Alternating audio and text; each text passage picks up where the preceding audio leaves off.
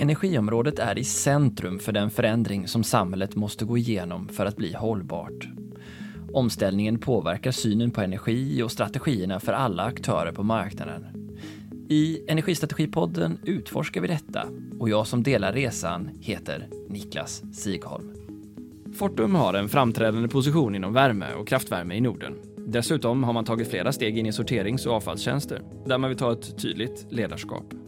Erik Folkvård Tandberg sitter som chef for City Solutions som eh, tar ett helhetsgrepp kring värme och kyla och materialströmmar runt dessa.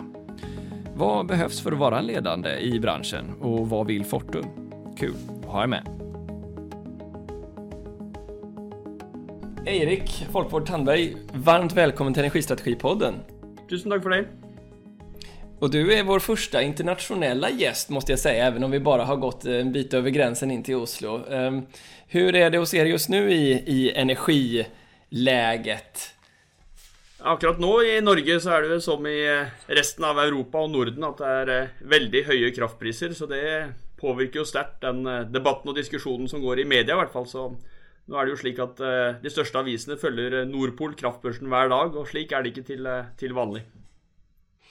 Ja, det hör ju inte till vanligheten alltid när man jobbar i energibranschen att eh, ämnet energi är det som eh, följs dagligdags i tidningarna.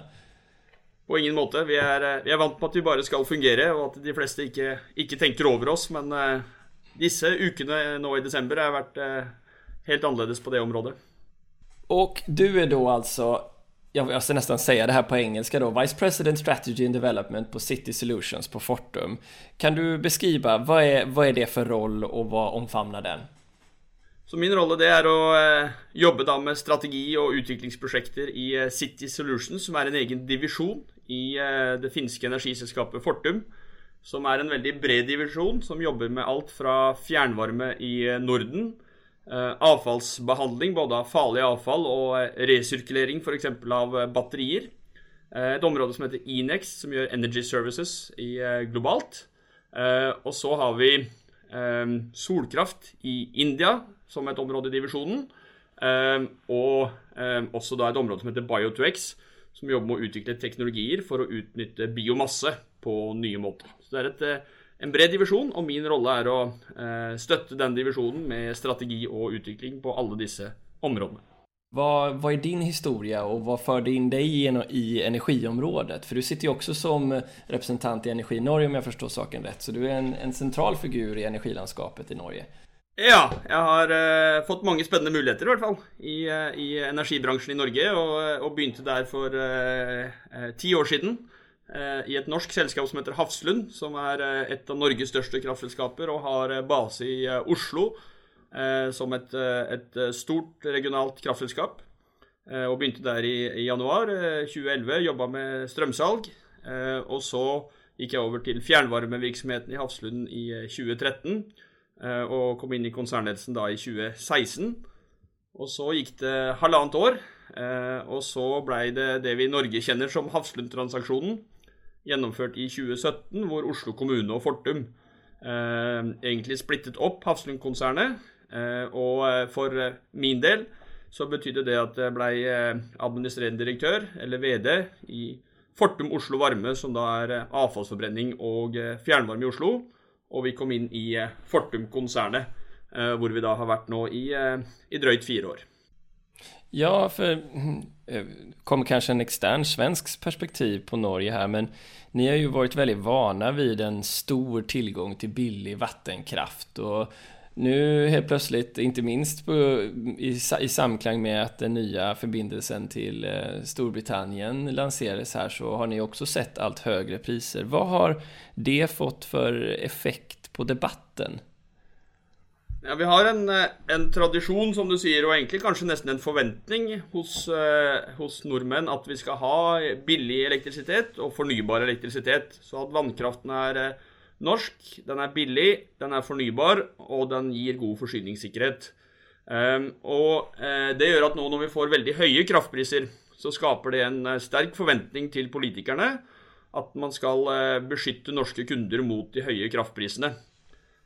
og det får Eh, flere utfall. Det ene er at den norske regjeringen nå har fått flertall i Stortinget for en ordning der staten Eh, kort fortalt dekker strømregningen for de private husholdningene når kraftprisen på Nordpol er over 70 øre per kWt over en måned. Det er ikke så høyt i gjenførelse med hva det er i dag. Det er det ikke, så dette er en eh, betydelig støtte fra den norske stat eh, til da norske private husholdninger, eh, som eh, også eh, i Norge da bruker mye elektrisk kraft direkte til oppvarming. Eh, så der skiller vi oss også fra f.eks. Sverige og Finland, som har stor fjernvarmeutbygging sammenlignet med Norge. Eh, så er det klart at strømregningen blir eh, ekstra høy når man har både eh, høye kraftpriser og bruker mye direkte elektrisk kraft til oppvarming. Så slutsatsen av at Norge også, precis som Sverige, ser en alt tätare sammankoppling med energimarknaderna i resten av Europa leder oss er til et skydd av konsumenterna gjennom å begränsa utgifterna, ikke til så store marknadsförändringar då, eller er det også det? Ja, Det er en, eh, en, eh, et godt spørsmål. Eh, fordi dette er jo en kortsiktig krise, tror analytikerne, og tror vi også. Så vi er egentlig fornøyd med at politikerne da også gjør kortsiktige grep. Fordi over tid så er det veldig viktig at vi beholder et godt samarbeid mellom de nordiske landene og de europeiske landene. At vi har god kraftutveksling mellom landene. Det er viktig. Og så er det jo Eh, viser det seg at når eh, kraftprisene blir høye, eh, så blir hver nasjon nærmest seg selv. Så man tenker mest på hvordan håndtere våre innbyggere. Og så er det viktig at vi som bransje står for at de langsiktige løsningene det er godt samarbeid på tvers av landegrensene. Så det er fra, fra vår side viktig her i alle diskusjonene at man ikke gjør kortsiktige grep som ødelegger for den langsiktige internasjonale samarbeidet, for vi tror det er det som skal til om vi skal klare å løse eh, klimakrisen. Men eh, visst er det så at eh, fjernvarmenettet i Oslo er det største i Norge? Ja, det stemmer. Vi er i den eh, største byen, så det er også det største, største fjernvarmenettet i, i, Norge. Og hvor stor er anslutningsgraden av fjernvarme i Oslo? Om man ser på, eh, på energiforbruket i Oslo, så er det ca. 20% som dekkes av fjernvarme. Og hvis man sammenligner det med, med byer i, i, Finland og Stockholm, så er det jo veldig lavt. Uh, og det er fordi vi har en historikk i Norge med billig vannkraft, som nevnt, som gjør også at det er veldig mye elektrisk direkte oppvarming, også i Oslo. men fjernvarmesystemet er veldig viktig både selvfølgelig som leverandør til de kundene som har fjernvarme, og også for helheten i systemet rundt Oslo, fordi fjernvarmenettet er med og støtter kraftnettet inn til byen. Og det samspillet mellom det elektriske kraftnettet og fjernvarmenettet i Oslo gjør at man totalt sett klarer å holde energisystemkostnadene eh, så lave som mulig. Så både for den enkelte kunde, men også for samfunnet som helhet, eh, så er det et viktig samspill mellom de to systemene. Ja, precis. Det diskuteres ju mycket i Sverige också. En annen sak som ju händer i Sverige det är att fjärrvärmeleverantörerna kan gå ut och säga titta nu vad glada ni ska vara att ni har fjärrvärme för nu drabbas ni inte alls på det sättet ni annars skulle gjort om ni hade en direktverkande el som uppvärmningsform. Hur blir det i, hos er? Ja, I Norge så har vi et, eh, et annet system eh, der eh, prisen på fjernvarme settes avhengig av hva som er prisen på oppvarming med elektrisitet. Så det betyr at høye kraftpriser det gir også høye fjernvarmepriser. Eh, og så er det også da slik at den eh, ordningen med kompensasjon som den norske regjeringen nå har lagt fram og besluttet, den gjelder også fjernvarmekundene. Eh, slik at de får samme reduksjon i sin fjernvarmeregning, tilsvarende som om de hadde hatt oppvarming basert på elektrisitet. Og så betyr det jo også, sånn som i 2020, når vi hadde veldig lave kraftpriser, det er jo kun eh, halvannet år siden, eh, så var også da fjernvarmen veldig billig eh, i Norge, sammenlignet med de andre nordiske landene. Ja, precis. Man tenker jo for at kostnaden for fjärrvärme og kostnaden på elprismarknaden, de er jo inte långt ifrån alltid kopplade til hverandre. Det måste bli en, en strategisk utmaning da, tenker jeg, for fjärrvärmen. Ja, det er, reguleringen i Norge er jo fra kundeperspektivet eh, satt slik at man får en, en maksgrense som eh, tilsvarer at det ikke skal bli dyrere enn den vanligste formen for oppvarming vi har i Norge. Eh, så det er utgangspunktet. Og så er det selvfølgelig da opp til eh, fjernvarmeselskapene og sørge for å ha en konkurransedyktig eh, energiproduksjon eh, eller spillvarme eh, som gjør at man har et kostnadsnivå der man kan ha en eh, fornuftig lønnsomhet eh, også med denne, denne reguleringen. Og hvordan er det at att verka då i en sånn monopolliknande verksamhet som er i Norge? Berätta litt først om det. Det finnes noe som heter konsesjonsplikt i Norge. Hva innebærer det? Det er riktig. I Norge har vi eh, en ordning med det vi kaller konsesjon. Eh, og det betyr kort fortalt at man har eh, rett til å bygge ut fjernvarme i et bestemt geografisk område. Så i Norge, hvis du har fjernvarmeanlegg som er over 10 megawatt, som jo i infrastruktursammenheng er ganske lite, så man, må man søke konsesjon og får tildelt det av den nasjonale energimyndigheten. Og for oss Fortum Oslo Varme så har vi slik konsesjon i Oslo. Og Det betyr at vi har enerett på å utbygge fjernvarmeinfrastruktur i det området. Eh, og Så er det også en eh, lokal, kommunal bestemt ordning med tilknytningsplikt, som gjør at nye bygg eh, de skal seg, knytte seg til fjernvarme. Og det gjør også at man har et system der kundene beskyttes med en makspris, så fjernvarmeselskapet ikke kan fritt sette hvilken pris man, skal ha, men har en makspris knytta til prisen på elektrisk eh, oppvarming. Og så er dette en posisjon som det er viktig at vi som eh, bransje og eh, selskap ikke utnytter, men faktisk leverer veldig godt innenfor ved å ha gode produkter og tjenester, være konkurransedyktige over tid. Fordi samfunnet ser at det er viktig og bra å dele infrastruktur og ha felles løsninger. Og så er det da viktig at vi som selskap leverer på de felles løsningene, utvikler de felles løsningene, slik at også kundene våre er fornøyd over tid. Eh, fordi all regulering er avhengig av at den eh, utøves på en god måte, og at den har tillit både hos eh, kunder og politikere og, og samfunnet som helhet. Så du mener at det som holder dere på tårna, det er også medvetenheten om at monopolet en vakker dag kan forandres med et politisk beslut, og dere da måtte kunne overleve även på en mer konkurrensutsatt marknad. Förstår det rätt? Ja, det er riktig. Vi jobber og tenker som om vi er i konkurranse. Eh, så det er, er viktig for oss å utvikle virksomheten også i den, eh, den retning. Eh, det er, er, veldig viktig. Så vi har fornøyde kunder, fornøyde samarbeidspartnere. Og det er også viktig samfunnsansvar, for det er klart at et, et fjernvarmesystem har en fleksibilitet som får veldig stor verdi i den framtiden vi ser med både volatilitet i kraftmarkedet generelt, men også nye kilder til varme, f.eks. datasenter eller varme fra elektrolyse til hydrogenproduksjon, er nye spillvarmekilder som ikke var viktige for ti år siden, men som nå åpenbart blir viktige framover. Og det kan samfunnet utnytte fordi man har godt utbygde fjernvarmesystemer. Vi ser jo i de andre nordiske länderna at fjärrvärmen utvecklas og mår veldig bra även i en noe mer konkurrensutsatt regleringssituation. Og ni som spelare verkar jo på ikke bare de nordiske marknaderna utan även i Europa.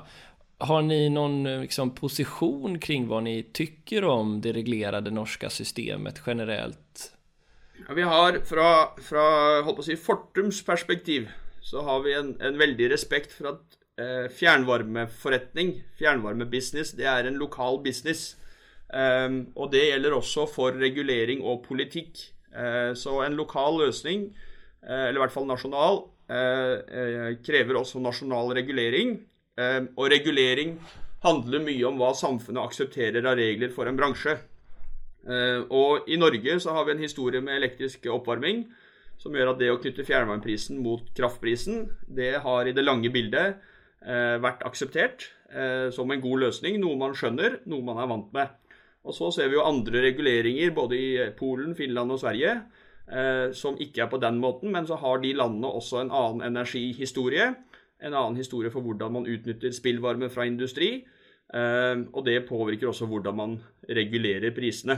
Ok, så stor, stor respekt for de lokale forutsetningene og, og overenskommelsen, det, det, kan jeg kjøpe. Men jeg tenker at eh, en av de sakene som hender her i Sverige når prisene varierer så utrolig mye, er jo også at systemnytten for eksempelvis fjärrvärmen jo virkelig framträder. Det är mange som opplever, og nei, hvorfor har jeg en, en direktuppvärmd eh, fastighet nu når jeg skulle kunne ha en mye større säkerhet?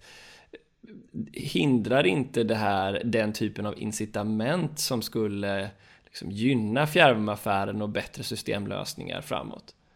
Jo, jeg tror det er en, det er en utfordring for, for si, fjernvarmebransjen i Norge om, om den kraftprisnivåene vi ser i dag, skulle vare i lang tid. Det er det ingen tvil om. Eh, og så eh, tror ikke vi at det kommer til å vare i, i, eh, i, lang tid i infrastruktursammenheng. Altså I vår bransje så er lang tid år, og ikke uker, måneder. Um, så um, over lang tid så, så, tror vi ikke det er et, et, stort problem. Men om disse nivåene skulle vare over tid, så vil det selvfølgelig også være med å skape en diskusjon om hvordan fjernvarmen i Norge skal reguleres. Og norske energimyndigheter har også sagt at man skal gå gjennom hvordan denne ordningen fungerer. Og så er det en utfordring i infrastrukturbransjen at man noen ganger ser at det er løsninger som Eh, helhet for samfunnet er veldig bra og veldig viktig, fordi vi inngår jo her i en sirkulær økonomi med avfallsbehandling, spillvarme fra avfall, som utnyttes inn i fjernvarmesystemet. Eh, og den sirkulære økonomien, det får man til å gå rundt på en god måte kun når man har en felles infrastruktur eh, og ikke individuelle løsninger. Så der er det jo en samfunnshelhet som gir en, en gevinst for samfunnet. Og så kan man jo for den individuelle kunde Eh, være at noen mener at man hadde kommet bedre ut med å velge en annen løsning. Så det er eh, eh, viktig her at reguleringen klarer å eh, samkjøre hva som er bra for samfunnet, og hva som er bra for den enkelte kunde. Og det er klart at Med de kraftprisene vi ser akkurat nå, som også da gir høye fjernvarmepriser, så settes jo den balansen under press med hva som er bra for samfunnet, og hva som eh, er bra og oppleves bra for den enkelte kunde. Eh, så, så eh, varer dette over lang tid, som i år, så vil det selvfølgelig skape en annen diskusjon om denne reguleringen enn om det blir en kortsiktig pristopp. I, i, som du själv var inne på tidigare så i många svenska städer så är ju penetrationen av fjärrvärmen väldigt hög, i alla fall de som har haft fjärrvärme under lång tid. Medan då Oslo, du nämner 20% Vad är potentialen som du ser på fjärrvärme på den marknaden? Eh, potensialet for, eh, for, vekst i Oslo er stort fordi Oslo by vokser. Så vi har hatt ulike eh, faser med vekst for fjernvarme i, i Oslo. Og en stor bølge som har vært de siste fem årene, det har vært i forbindelse med at fossil olje til oppvarming av enkeltbygg, det blei forbudt i 2020. Så da måtte mange bytte ut den gode, gamle parafinovnen Eh, og finne nye løsninger. og Det gjør at vi har knytta til mange eldre bygg i Oslo til fjernvarmenettet fram mot 2020. Og så, når den eh, si, jobben er gjort eh, for Oslo som, eh, som, by og Norge som eh, nasjon, eh, så er det nå veksten i Oslo som by er viktig for veksten i fjernvarmesystemet. Og der ser vi at vi kan gå opp mot 50% vekst, altså fra nesten 2 TWh nå til opp mot 3 eh, TWh i eh, framtiden. Eh, fordi vi ser at Oslo by vokser. Og det vokser også på en måte som gjør at sjøl om byggene bruker færre kilowatt-timer per kvadratmeter, så er det høyere og høyere bygg som settes opp. Så hvis du ser på si, gigawatt-timer per kvadratkilometer per areal, så øker energiintensiteten i byen. Og da er det viktig med et godt fjernvarmesystem. Og det gjør også at det er et betydelig vekstpotensial. I Sverige så har vi ju också sett att inte bara fjärrvärmen utan också elnäten går över till en, eh, alltså det finns en trend mot mer effektprissättning jämfört med energiprissättning som också är till för att fånga de här systemnyttorna som eh, kombinationen av el och fjärrvärme kan, kan ge och också skapa incitament för flexibilitet hos kunderna. Två frågor egentligen. Är, det även kopplat till hur prissättningen mellan fjärrvärme och, och el ser ut? Och två, ser ni samma trend i Norge? Ja, det gjør vi. Vi ser absolutt uh, samme trend, og det med effektprising uh, er veldig viktig i energisystemet, både på fjernvarmesiden og kraftprissiden. Og så er det et, en uh, utfordring for oss som bransje, det er at effektprising det er eh, vanskelig å forstå dersom man ikke jobber med eh, kraft hver dag. Eh, så, så, for oss som har vært i bransjen i ti år, eh, så forstår vi det. Men å, å, få alle kunder til å forstå hva det er, hvorfor det er bra, det er utfordrende. Så faktisk nå i Norge så eh, var det planen at fra 1.1.2022 skulle man innføre grader av effektprising på strømnettet, altså nettleien. Slik at det skulle være billigere nettleie om natta når det er lite forbruk i nettet, og høyere eh, pris på dagen når det er høyt forbruk i nettet. Det vil jo gi insentiver til å flytte forbruk, slik at man får bedre utnyttelse av kraftnettet, tilsvarende fjernvarmenettet, dermed lavere investeringer, og samfunnet sparer penger, og kundene får en lavere strømregning over tid. Men å forklare det eh, og få tillit til det, det er krevende. Så nå med høye kraftpriser så blei det en del av den politiske løsningen fra regjering og storting med å gi støtte til strømkundene. Så vedtok man også at ordningen fra 1.1.2022 den skulle utsettes. Eh, så det skjer eh, nå eh, mens vi prater. Så offentliggjør flere og flere nettselskap at de ikke går over til en mer effektbasert modell fra 1.1.2022, men utsetter det. Så det er igjen et bilde okay. på denne balansen mellom kundenes oppfattelse av hva som er bra for seg, og samfunnets behov for å endre systemet for å få en mer effektiv utnyttelse, eh, som er en, en, krevende kombinasjon, og spesielt når det er eh, veldig høye priser, slik vi ser nå.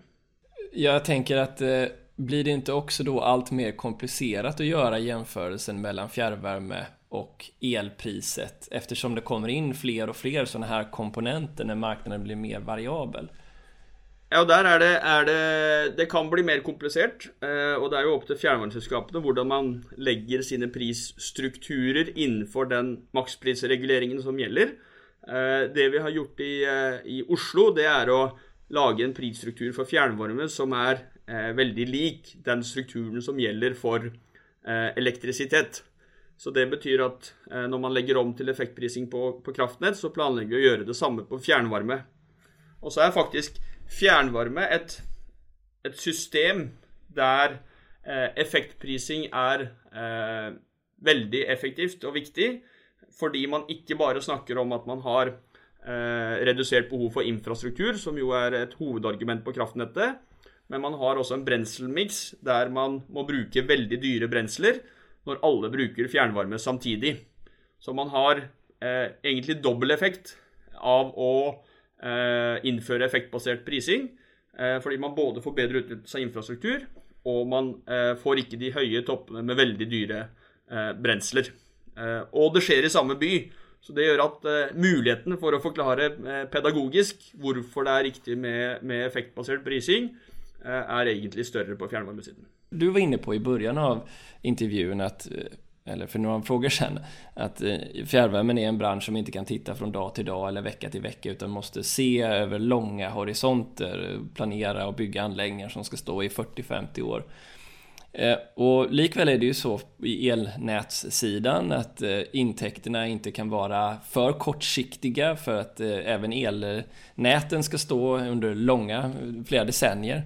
Och, just därför är också då prissättningen en förutsättning för att kunna bli mer långsiktig. Medan då elhandlarna får leva med att priset går upp och ner och man får säkra sig för att eh, klara av de olika topparna och dalarna på, på börsen.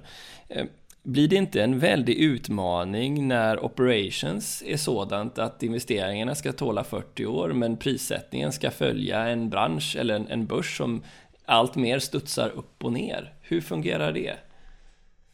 Ja, det er en, en, eh, en utfordring. Um, fordi uh, si, dagens uh, kraftprismarked er jo veldig kortsiktig.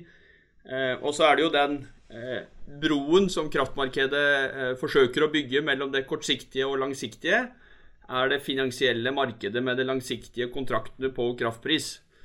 så det skal jo gi en mulighet til å sikre seg en pris, slik at man har investeringsinsentiver for det lange, eh, sjøl om prisen settes i det korte. Eh, og så er jo også det markedet, eh, når vi ser i dag, under press. F.eks. I, i Norden så er det enorme prisområdevariasjoner. Så det settes finansiell sikring under press. Så det er jo en del av det fra, fra et si, bedriftsøkonomisk perspektiv.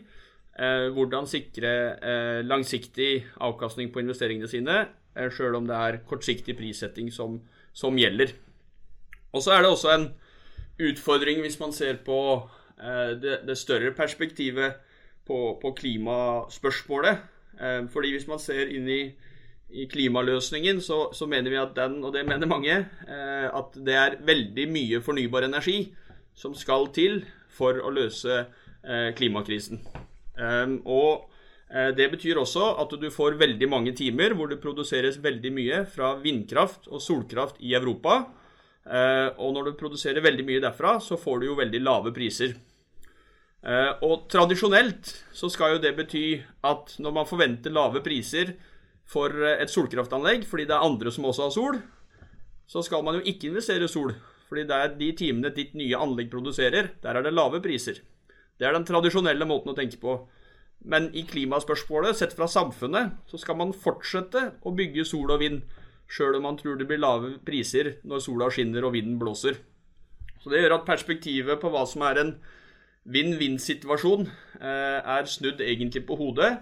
Eh, og Der blir det en utfordring for kraftsystemet. Hvordan gi insentiver til de investeringene samfunnet trenger, som er mye ny fornybar energi, når eh, dagens energioptimering på kort sikt kanskje gir insentiver til det motsatte. Så her må vi utfordre oss også som, som bransje, der vi før så var det slik at høye kraftpriser var bra for kraftbransjen og bra for samfunnet, fordi det betydde at man begynte å spare energi. Eh, så går vi jo framover, hvor, hvor, eh, i hvert fall hvis kraftbransjen funker akkurat som i dag, så tjener den mest penger når kraftprisene er høye. Men det er ikke det samfunnet vil ha. Samfunnet vil skal ha mye energi til lav pris. Og det utfordrer hvordan vi eh, må tenke både som, som, bransje, men også markedet må fungere. Slik at det fins investeringsinsentiver som samfunnet trenger, sjøl om det setter stort press på den eh, kortsiktige markedsoptimaliseringen. Hvordan ser eh, scenarioene ut for Norge? I Sverige er det så at vi, vi ser flere prognoser som peker på en dublering av elbehovet fra ca. 140 kanske til 300 terawattimmar per år. Hvordan ser det ut eh, i Norge? Ja, I Norge så er også prognosene at det skal bli en eh, kraftig forbruksvekst. Eh, noen av områdene det skal vokse, er jo f.eks. på eh, hydrogenproduksjon, eh, på datasentre, på batterifabrikker. Det er tre eksempler på ny kraftkrevende industri som ventes å komme til Norge, og som er på vei til Norge. Så kraftbehovet kommer til å gå eh, stort opp. Ehm, og så er det jo en situasjon eh, der eh, på vannkraftsiden så vil det være ekstremt vanskelig eh, å få en vekst i vannkraftproduksjon som følger denne veksten i forbruk. Og da i Norge så er det jo i realiteten vindkraft som er vekstløsningen. Men vindkraft er politisk betent fordi det lokalt er stor motstand mot å bygge vindmøller på fjelltopper som er, er eh, flott natur, eh, som da det er lokal motstand mot å sette vindturbiner. Så det gjør at Og even i havet, va? Man vil ikke ha dem i havet heller, man vil ikke se dem fra kysten? Ja, i, i, havet er det større aksept politisk nå. Så det har blitt eh, jeg håper å si Det neste steget i Norge er at man går over og legger stort fokus på havvind. Uh, og der legges jo vindmøllene så langt ut i havet at man knapt ser de fra land. Så så eh, i Norge har vi et uttrykk som heter 'ute av, ut av syne, ute av sinn'. Eh, og havvindmøllene havner kanskje der. Og så tror jeg vi skal være ydmyke for at det gir nye utfordringer i forhold til hvordan påvirker det selve havet, hvordan påvirker det fisk osv. Men, men eh, det er det store området nå, å bygge ut havvind. Eh, og både landfast og også eh, flytende havvind som vekstområde. Eh, så Norge har en utfordring i forhold til hvordan øke den fornybare produksjonen når det er sterk lokal motstand mot landbasert vindkraft. Eh, og eh, havvind også ligger langt fram i tid. Det tar tid å utvikle. Så er det en, en stor norsk utfordring. Eh, det må vi kunne si at i tiåret 2020, som vi så vidt har begynt på, hvor store deler av klimaløsningen skal komme fram mot 2030, så henger vi bakpå i forhold til vekst på, på ny fornybar produksjon. I og med den här eh, tillskottet av efterfrågan så leder ju det, antar jeg også for er, til allt større muligheter å ta imot spillvärme. Hur ser den muligheten ut for er som du bedömer det? Og prata gjerne litt om hvordan man designer affären også givet deres spesielle förutsättningar. Ja, og der har vi, eh, som jeg har vært innom, så er det jo det vannbårne systemet i alle fjernvarmenett. Det gir en, en eh, fantastisk, eh, ikke bare kortsiktig fleksibilitet, men langsiktig fleksibilitet. Og i Oslo så har vi jobba med datasenterutvikling i, i, flere år. Og faktisk i disse dager så er vi i ferd med å koble på den første varmen fra et datasenter eid av Digiplex, der vi utnytter varmen som kommer ut fra datasenteret inn i fjernvarmenettet i eh, Oslo. Og så er det en, en første start på 5 eh, megawatt.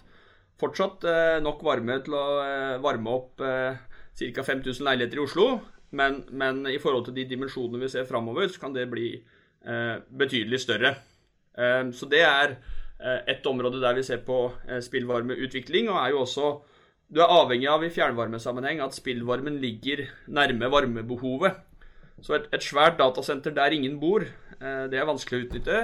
Men et svært datasenter i Oslo, f.eks., eh, det eh, er det veldig både god fornuft og, og potensielt fornuftig økonomi i å utnytte inn i systemet.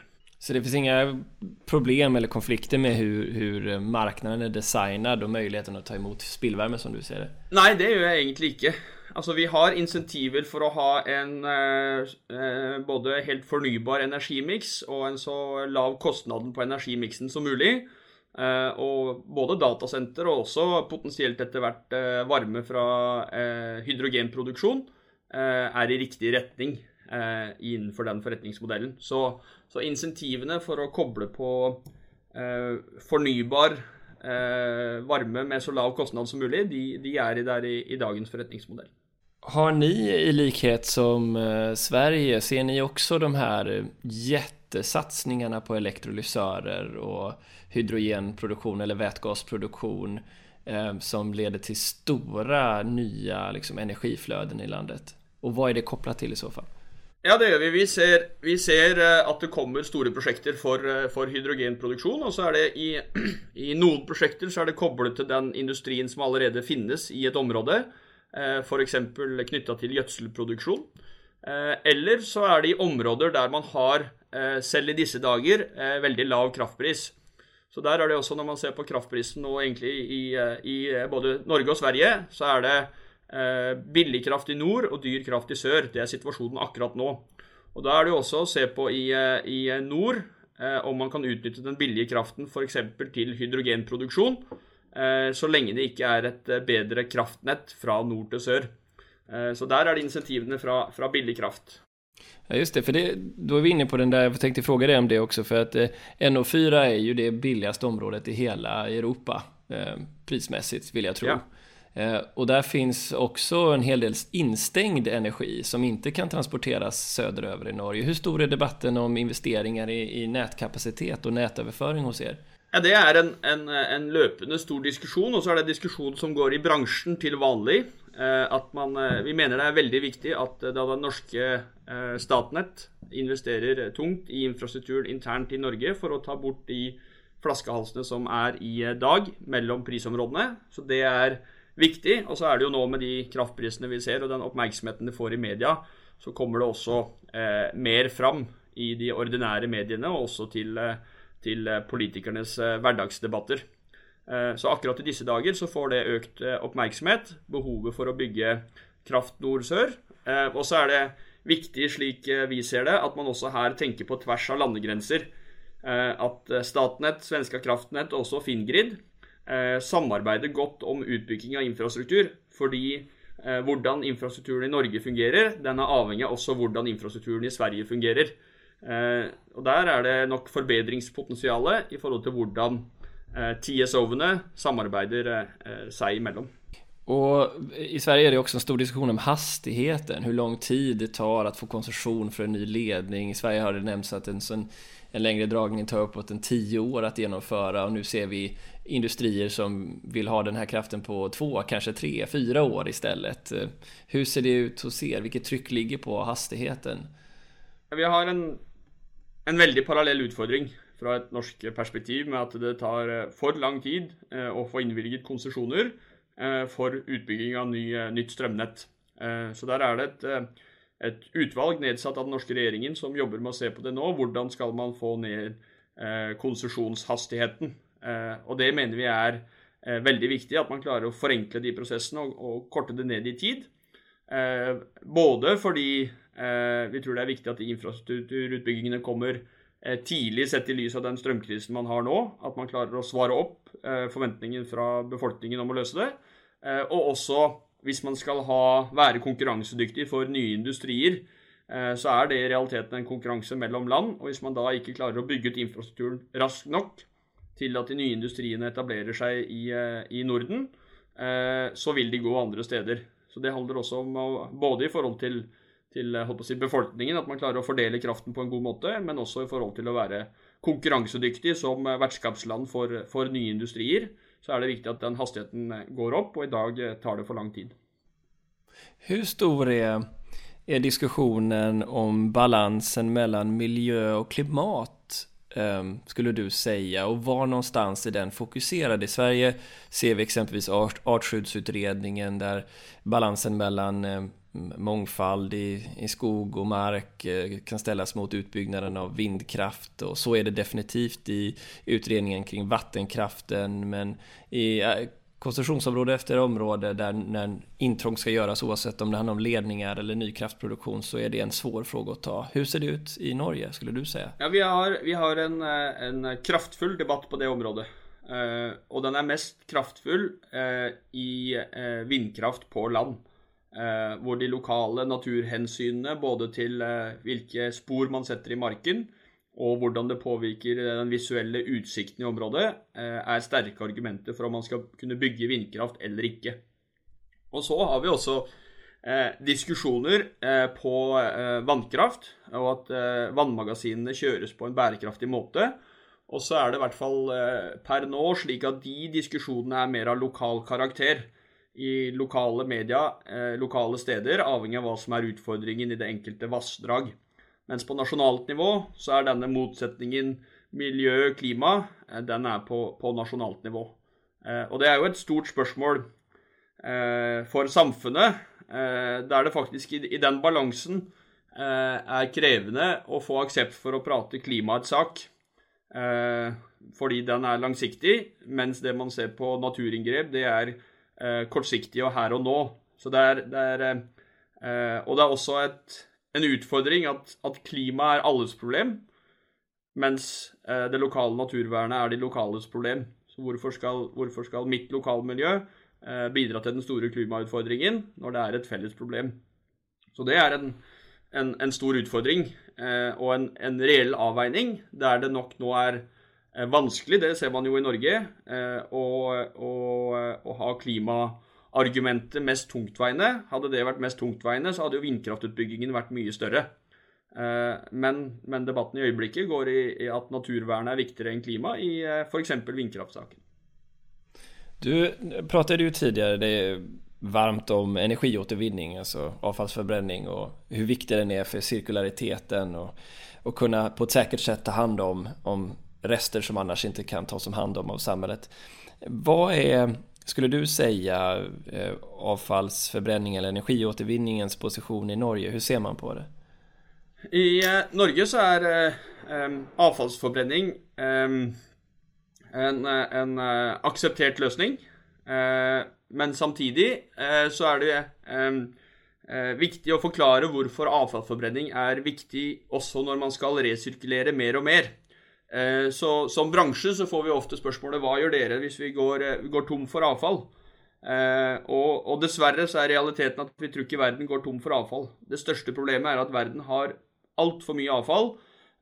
Så vi håper en dag at vi går tom for avfall. Vi tror ikke det er realistisk i, i, i sjøl ikke et langsiktig perspektiv. Fordi vi veit at med alle f.eks. resirkuleringsmålene til EU, så vil det være behov for å bygge eh, betydelig mer avfallsforbrenning eh, i Europa, fordi man også får forbud mot deponier. Så det at man får forbud mot deponier, gjør at man trenger avfallsforbrenning, selv om eh, man når alle de eh, høye målene som er satt for resirkulering. Og så er jo det også et spørsmål om man eh, klarer å nå de målene i praksis.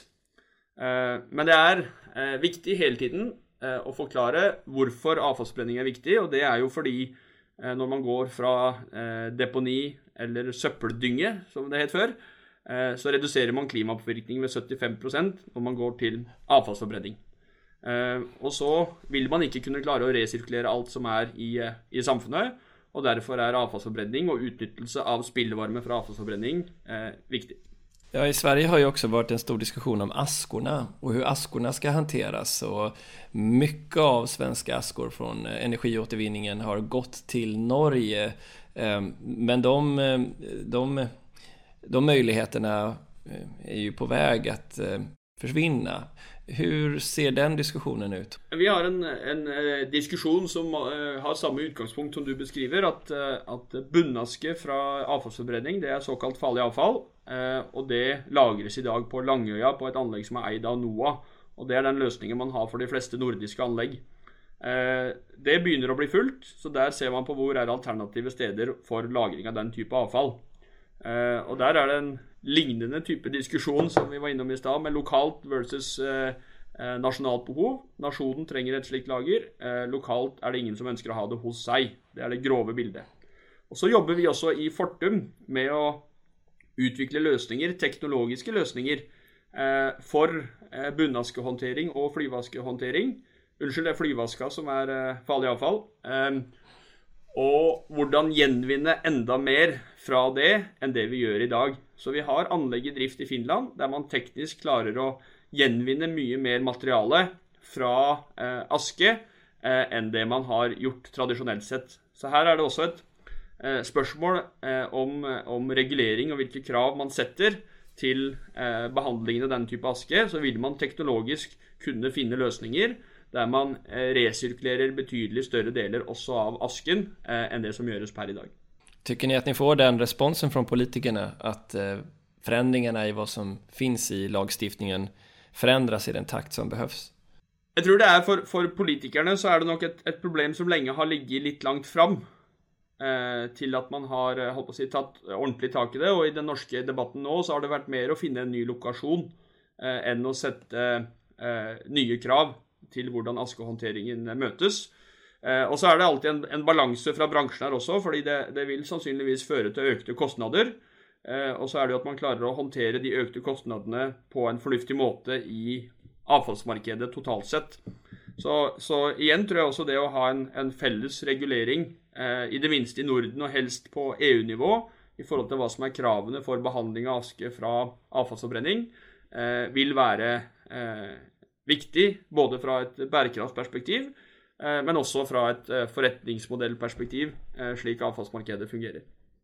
Ja, just det, og det er jo en fråga som har vært veldig viktig for energiåtervinnarna i Sverige då, det her med gemensamma spelregler. For her finns jo både en, en avfalls... En, en, skatt på forbrenning av avfall og så er man også med i EU ETS, utsläppsrättshandelssystemet. Hur ser det ut? Der er det I Norge så er det eh, fra 2022 så vil det være en, en skatt på avfallsforbrenning. Eh, men de fleste anleggene er ikke med i EU eh, e ETS. Eh, og eh, eh, i forhold til avfallsforbrenningsskatt så er det noe som vi mener at ikke gir noen klimagevinst. Det legger en høyere kostnad på avfallsforbrenningsanlegg. Det gjelder både i Norge, det gjelder i Sverige. Eh, som gjør at man heller får mer avfall fra et europeisk perspektiv på deponi, eh, og mindre avfall til, eh, til forbrenning, eh, som er en klimamessig mye bedre løsning. En, og Hvordan ser du på EU ETS, da? Og På, på ETS eh, så eh, mener vi at det er fornuftig å ta inn på avfallsforbrenning og bør gjøres på et europeisk nivå, inkludert da UK ETS, som nå får et eget marked, slik at alle land i Europa Eh, er inne i ETS. Og så fordrer det eller forutsetter, at man har forbud mot eh, landfill, eller eh, avfallsdeponi, som faktisk fungerer. Eh, så det er punkt nummer én, å få et sterkt avfallsdeponiforbud i Europa. Fordi da eh, må man gjøre resyklering, må gjøre avfallsforbrenning, og da gir det også mening å ha eh, avfallsforbrenning innen ETS. Men å ha et sterkt forbud som faktisk utøves på, på avfallsdeponi, det er et viktig punkt nummer én. Og når man har det, så er det et, et, punkt to at man får ETS på avfallsforbrenning. Og et mellomsteg kan jo eventuelt være at man har ETS også på avfallsdeponi, eh, slik at man i hvert fall ikke får insentiver for å ha mer avfall til deponi, eh, når det ikke er det vi, vi trenger fra et bærekraftperspektiv. Ja, Sverige som en stor avfallsforbrenner eller energiåtervinnare har ju lenge länge haft Norge som ett importland av inte minst returträ. Ni måste ju se nu med tanke på att det EU ETS innebär flera hundra kronor i fördyring av avfallsaffæren eller energiåtervinningsaffären i Sverige att, att eh, det är mycket billigare att driva den affären i Norge än vad det är i Sverige och att ni i princip skulle kunna importera från Sverige med, i förhållande till svenska energiåtervinnare med god förtjänst. Eh, isolert sett så er det jo, er det jo slik. Eh, og så er jo dette, et, dette også et uh, verdikjedespørsmål, slik at f.eks. i Sverige har man en betydelig høyere elavgift eh, enn man har i Norge, som også påvirker lønnsomheten i disse, disse verdikjedene. Eh, det er det, er det ingen tvil om. Eh, og så tror vi at det er viktig her igjen å ikke gjøre disse ETS eh, e nasjonalt, men at man faktisk gjør det på et EU-EØS-nivå, kombinert med at avfallsdeponier blir forbudt. At det er det som gir et, et, et godt system. Okej, ska vi titta lite på CCS då, Carbon Capture and Storage, eller CCU om du så vill, Utilization. Hur stort og och hur viktigt område är det för er? Eh, det er et eh, veldig viktig område. Eh, og i City Solutions perspektiv så jobber vi både med CCS og CCU.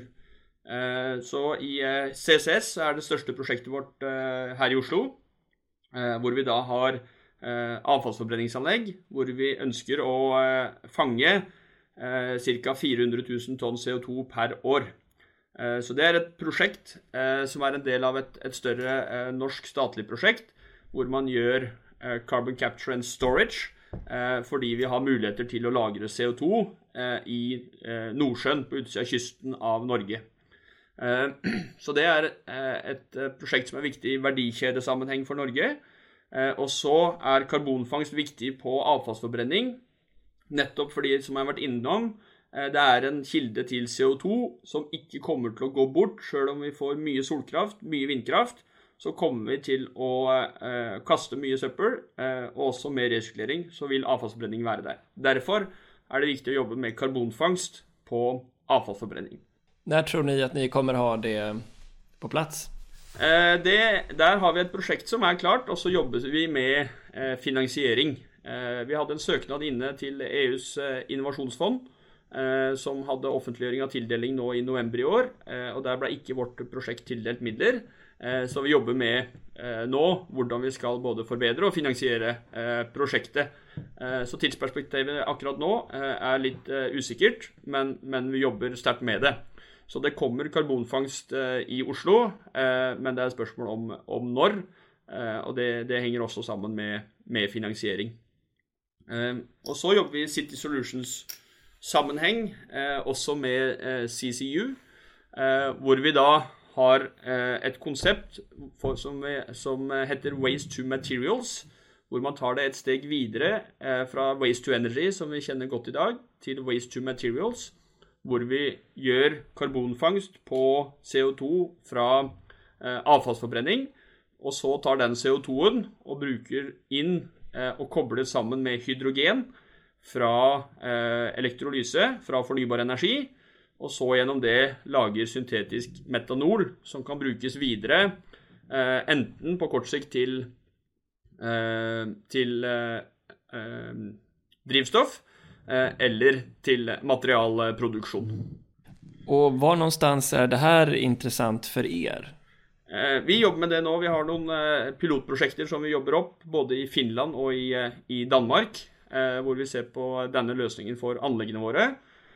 Og så er hele tankegangen kommer fra eh, eh, konseptuelt Hva er det som er begrenset ressurs i framtiden? Så har vi jo historisk f.eks. På, på bio og karbon vært vant med at Eh, bio og karbon finnes det mye av, mens energi finnes det lite av. Eh, og i det lange perspektivet, nå snakker jeg 2050, hvis vi lykkes med klimaspørsmålet, så er det store mengder vind og sol i systemet som snur det rundt, slik at energi er det da mye av, mens karbon og bio er det lite av. Også fordi olje- og gassproduksjonen må jo gå ned og nesten bli borte. Og da trenger man en annen karbonkilde til å lage materialer enn å ta opp hydrokarboner fra olje- og gassfelter som i dag. Om du tittar langt inn i framtiden, hvor vanlig tror du det kommer bli å anvende CCU kopplat til bio?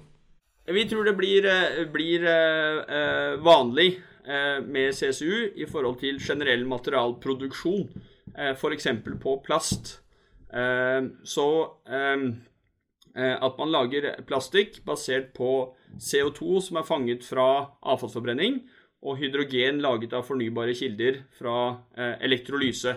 Så Det krever store energimengder, men hvis det er energi er det mye av, og det er billig, og det er lite eh, karbonmateriale, så er det en, en god løsning, hvor man da kombinerer det og lager f.eks. plastikk. Innenfor bio så har vi et område som heter Bio2X, Eh, og Der jobber vi også ut fra samme perspektivet om at energi blir det mye av og blir billig, mens biomasse blir begrensa. Så vi må utnytte biomasse på en bedre måte enn det vi gjør i dag. Eh, F.eks. å brenne biomasse til energiproduksjon eh, tror vi nok ikke er beste måte å bruke biomasse på i framtiden, men at man har fraksjoneringsteknologier som krever mye energi, men som gjør at man utnytter biomassen på en enda bedre måte. Hva har ni noen så idé om hvor mye den marknaden kommer å vokse i prosent? Hva, hva tror ni? Ja, det er et godt for, for, det er jo en bett mener jeg. det er jo en bett på at sjøfarten steller om og får krav på seg. Det, det er ganske mange bets i den marknaden på hvor politikken er på vei. Vil du resonnere litt grann om, om varför ni tror at alt det der kommer å inntreffe samtidigt? Ja, vi, vi tror det, altså det, er et, det er et bet på at verden går for å nå klimamålet. Eh, hvis man better på at verden ikke når klimamålet, da skal man ikke gjøre dette. Hvis man tror at eh, bensin- og dieselbiler er framtida, eh, så, så, skal man ikke gjøre dette. Da må man beholde dagens teknologi. Eh, men hvis man tror at klimaspørsmålet faktisk blir løst, så er det en, eh, en, følge av at du får mye fornybar energi inn. du skal ta opp mye mindre fossilt karbon. Og da må du i mye større grad enten resirkulere det karbonet du har, eh, eller utnytte eh, biobasert karbon på en bedre måte. Nu ser vi ju kalkyler i Sverige som, eh, som i og for sig också innehåller transporten og lagringen for CCS då mm.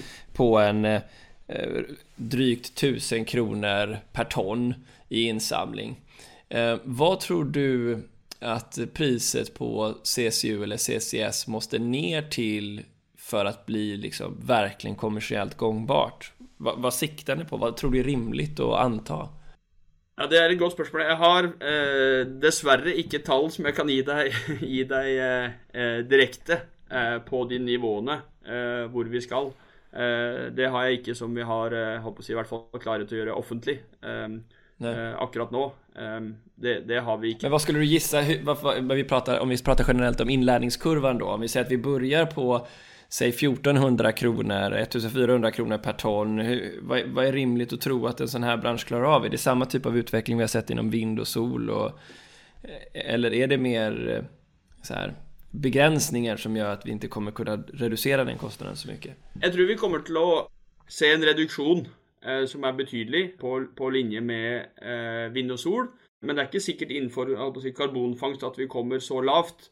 Eh, men det som er det, et vanskelig spørsmål inn der, er jo at også at mange av de kostnadene i denne prosessen er energirelaterte. Så du får en, en holdt på å si loop hvor du kommer tilbake til samme spørsmål, er hvor billig blir energi? Og det er førende inn f.eks. karbonfangst er jo en energikrevende prosess. Slik at hvis kraft og energi blir veldig billig, så blir det også en, en, en billig prosess. Og så er det inn i det også, så er det ikke bare hvilket prisnivå snakker vi om, men også hvilken kobling har man over tid mellom CO2-pris og energipris. Eh, der vi eh, fram til i dag har sett en veldig sterk kobling. Går eh, energiprisen, eh, eller ETS, CO2-prisen opp, går energiprisen opp. Eh, men hvis man i framtida får veldig mye fornybar eh, energi, betydelig mindre kull og gass inn i energimiksen, så vil du kunne ha høy CO2-pris, men lav kraftpris. Og i det scenarioet så vil du eh, kunne ha betydelig bedre lønnsomhet eh, i denne her type eh, eh løsninger og verdikjeder. Eh, og så ligger det fortsatt fram, og derfor er det viktig også, som eh, både norske politikere og andre politikere har gjort, å bevilge store penger til utvikling av den teknologien, fordi vi trenger action og faktisk bygge anlegg og gjøre det for å lære. det er, er viktig fra et samfunnsperspektiv. Fordi det vi søker å løse, eh, er jo eh, klimautfordringen. Eh, og den synes ikke i noen kortsiktige energimarkeder i dag. Begynnes kanskje å synes, det er nesten et filosofisk spørsmål i, i dagens ETS-priser. Men utenom det så er det veldig vanskelig i dag å gjøre en bedriftsøkonomisk kalkyle som virkelig tar inn klimautfordringen, fordi den syns ikke i de markedene vi kjenner. og Derfor er det viktig at politikerne er med og støtter denne teknologiutviklingen. Som man gjør jo både eh, i Norge og også på EU-perspektiv, så ser man at Innovasjonsfondets eh, midler i veldig stor grad gikk til ulike former for eh, CCU, CCS-prosjekter.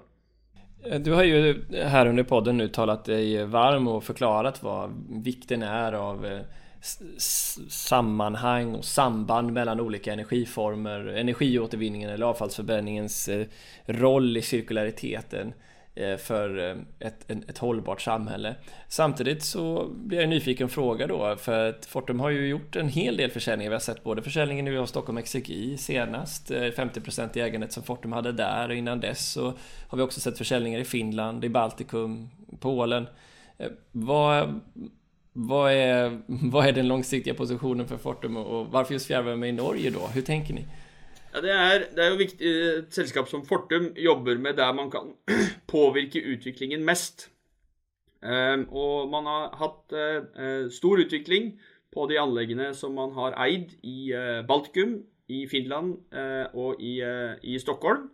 Um, og det har vært viktig å ta de over og lage systemer som er godt forberedt på den eh, fornybare og klimavennlige og bærekraftige framtiden. Eh, og Den eh, jobben har man i, i, veldig stor grad gjort i, i Baltikum, i, i, de finske anleggene unntatt Espo, og også i, i, Stockholm. Så er det fortsatt store, spennende muligheter i de anleggene. Men det har da blitt slik at, at en, når de er så klare for framtiden, så finnes det investorer med lave avkastningskrav som er villige til å Eh, kjøpe de, eh, og Fortum har da valgt å prioritere at man jobber i de byene der utviklingspotensialet fortsatt er, eh, er, er veldig stort for å gjøre anleggene klare for framtiden. I Oslo betyr det karbonfangst, som er et stort, spennende prosjekt. Teknologisk og ta de mulighetene videre. I Espo så er det en, et stort program som heter Espo Clean Heat, som går på å avkarbonisere hele fjernvarmesystemet i Espo og bygge nye fornybare løsninger eh, inn i hele det energisystemet. Eh, og Den utfordringen er stor, og den er viktig, og den prioriterer da Fortum å kjøre, kjøre videre. Samtidig var det jo just ert prosjekt som fikk tildeling av, av Europeiska investeringsfonden i Stockholm, ja. som ni satte igång og som ni drev og som nå blev Kjenner du glede inför det eller sorg at, at du ikke lenger er med på den resan? Vi, vi er veldig opptatt av at eh, samfunnet går i en retning som er riktig for å løse klimaspørsmålet. Eh, så det er jo eh, veldig bra at EU tildeler midler til prosjekter som er gode i den retning, og Stockholm Exergi har et slikt prosjekt. Eh, så eh, vi tror perspektivet er for snevert hvis man skulle ønske at Stockholm ikke fikk prosjektet bare fordi Fortum hadde solgt eh, selskapet. Da, da, tenker vi for snevert på hva som skal til. for å løse klimaspørsmålet. Så vi, Stockholm har et bra prosjekt, Stockholm Exagi. Og, og, og, det er bra at EU ga de penger. Vi skulle selvfølgelig ønske fra Fortum-perspektiv at anlegget i Oslo også fikk penger, men slik ble det ikke. Så, så det jobber vi med å utvikle, utvikle videre. Men vi må definitivt ha så åpent sinn at vi ønsker alle klimainitiativ og prosjekter det beste. Eh, selv om det ikke er i, i Fortum sitt eierskap. Vi har inte nämnt så mycket om Recycling Waste Solutions. Du var inne på det att ni har en hel del anläggningar runt om i Norden. Kan du berätta grann om vad ni gör där och varför det är ett viktigt eh, område för er? Recycling Waste Solutions er veldig viktig fordi det både har eh, løsninger i dag som er viktige for den sirkulære økonomien, eh, og det utvikler nye løsninger eh, framover eh, som vil være viktige for samfunnet. Eh, et stort eksempel er innenfor Eh, resirkulering av batterier.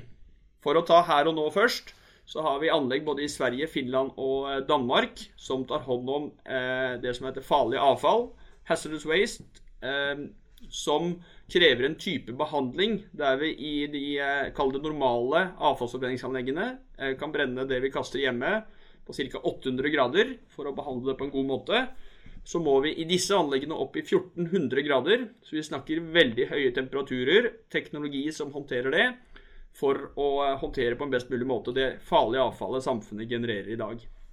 Så det er et eh, viktig utgangspunkt eh, med mange produkter og tjenester som eh, eh følger av eh, å ha disse anleggene. Og så jobber vi med å utvikle løsninger for resirkulering som vi ser blir viktig framover. Og batteriresirkulering er et viktig slikt område. Verdens behov for batterier kommer til å gå betydelig opp. Og så vet vi også at det er mineraler, f.eks. kobolt, i batterier, som er en begrensa ressurs, og som har en utfordrende verdikjede allerede i dag.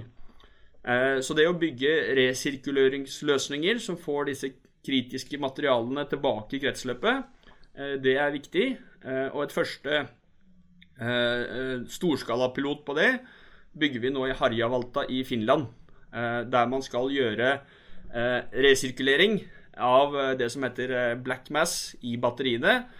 Slik at man får fram igjen de kritiske metallene, som f.eks. kobolt, og kan bruke det inn igjen i ny produksjon av, av, av batterier.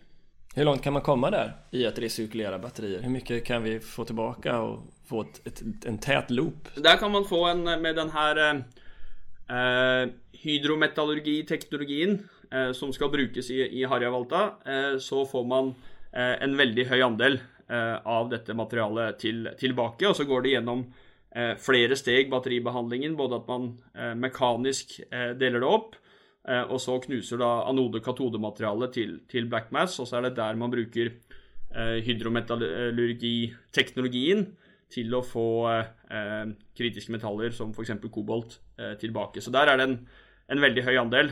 Eh, nå hadde jeg ikke tallet direkte i hodet, dessverre, men en høy andel som kommer tilbake og kan brukes ut igjen til eh, batteriproduksjon. Krever ikke det her en veldig høy integrering inn i produktionsledet då for å finne standarder som gjør dem lett å resirkulere? Ja, det er riktig. Eh, det er et, et, både i forhold til hvordan det produseres, og også det å ha jeg god logistikk og nærhet til batterifabrikker. De vil være, være viktige her. Og også ha resirkuleringsløsninger som er fleksible i forhold til hvordan batteriteknologien utvikler seg. Eh, det er viktig. Og så ser vi at eh, å utvikle på batterier er én ting. Det området der eh, samfunnet har mest å gå på i forhold til hvordan man produserer produkter i forhold til resirkulering, det er jo innenfor plast.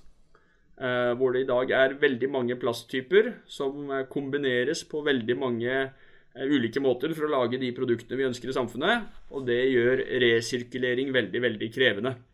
Eh, så jeg, tror på, batterier så kommer man til å løse det.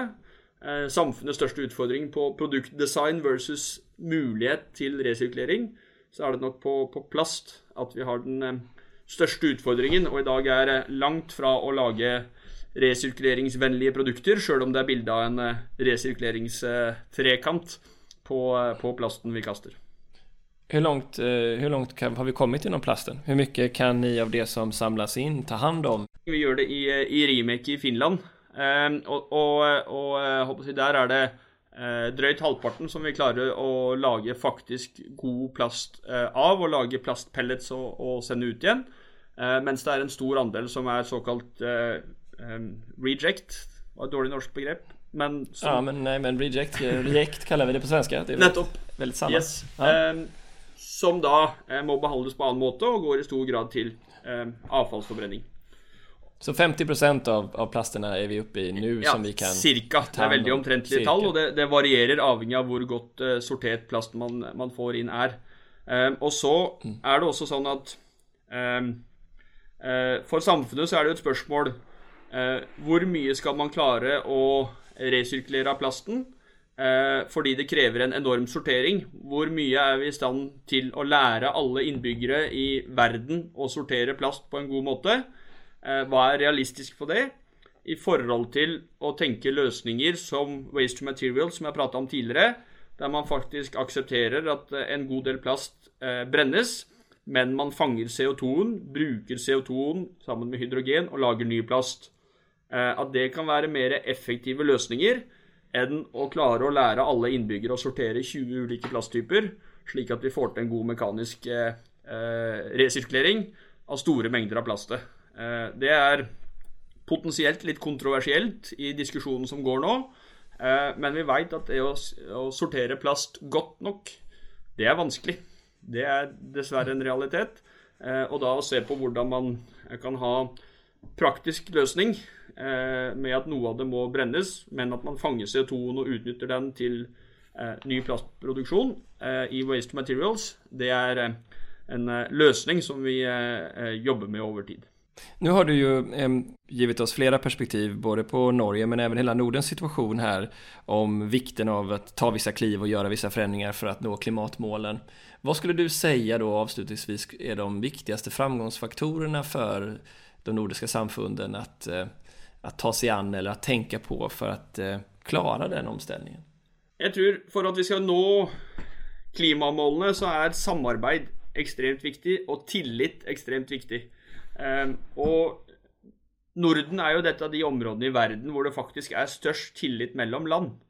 Eh, og det å jobbe med å fortsette å vise hvordan man samarbeider på tvers av land om infrastruktur, om energi, om industriutvikling, det tror jeg er eh, veldig viktig, også som eksempel for resten av verden. Eh, For hvis vi ikke klarer i Norden å samarbeide og tenke på nabolandet, så tror jeg det kulturelt er vanskelig andre steder også. Så det er et, et samfunnsområde hvor det er viktig at vi går foran, tenker samarbeid og har stort nok perspektiv på at eh, eh, klima løses gjennom internasjonalt samarbeid. Eh, Og inn i konkret i vår bransje så tror jeg det er viktig da at man bygger god infrastruktur eh, på tvers av landet, internt i landet, og samarbeider om det. Og gjennom det legger til rette også for at det kan bygges ut eh, stor fornybar energiproduksjon i Norden. Og tredje element, at det vil være viktig for å være konkurransedyktig. Fordi solkraft kommer til å bli billigere og billigere, og det gjør at energikrevende industri vil kunne se på andre geografier enn tidligere. Så for Norden å holde en god konkurranseposisjon, så vil det å ha et fornybart, eh, trygt energisystem med lav kostnad være veldig viktig. Og da mener vi det er viktig med stor utbygging av fornybar energi i Norden, og at man har godt samarbeid på tvers og god infrastruktur eh, på tvers av landene. Eh, om man ikke gjør det, så eh, vil det være veldig vanskelig å være konkurransedyktig når solkraft blir eh, veldig billig, eh, der sola skinner enda mer i verden enn eh, akkurat her oppe i Norden i, i desember. Hvor positiv er du da? Hva tror du? Jeg er optimist. Ehm, Jeg syns det har skjedd en stor endring både i eh, politisk debatt og i næringslivets måte å, å eh, eh, gjøre klimavennlige investeringer på bare de siste fire-fem årene. F.eks. CCS. Der var det for eh, tre år siden så var vi i Brussel og prata om CCS, og det var vanskelig å få positiv tilbakemelding på teknologien. Og Så går det tre år, og så skal Innovasjonsfondet til EU dele ut 1 milliard euro, og en stor andel av det går til CCS-prosjekter. Så Det viser at det er mulig å gjøre en endring, eh, og at det også har eh, skjedd stor endring i mentalitet og prioritering på hvor det går investeringer, både fra politisk hold og fra, fra eh, forretningshold. Eh, og det går i riktig retning. Så jeg tror det blir vanskelig, men jeg tror også at vi, vi kan få det til. Du Eirik, takk så mye for at du var med i Energistrategipodden. Det var trivelig å ha deg her. I like måte. Takk for å bli invitert. Takk for praten.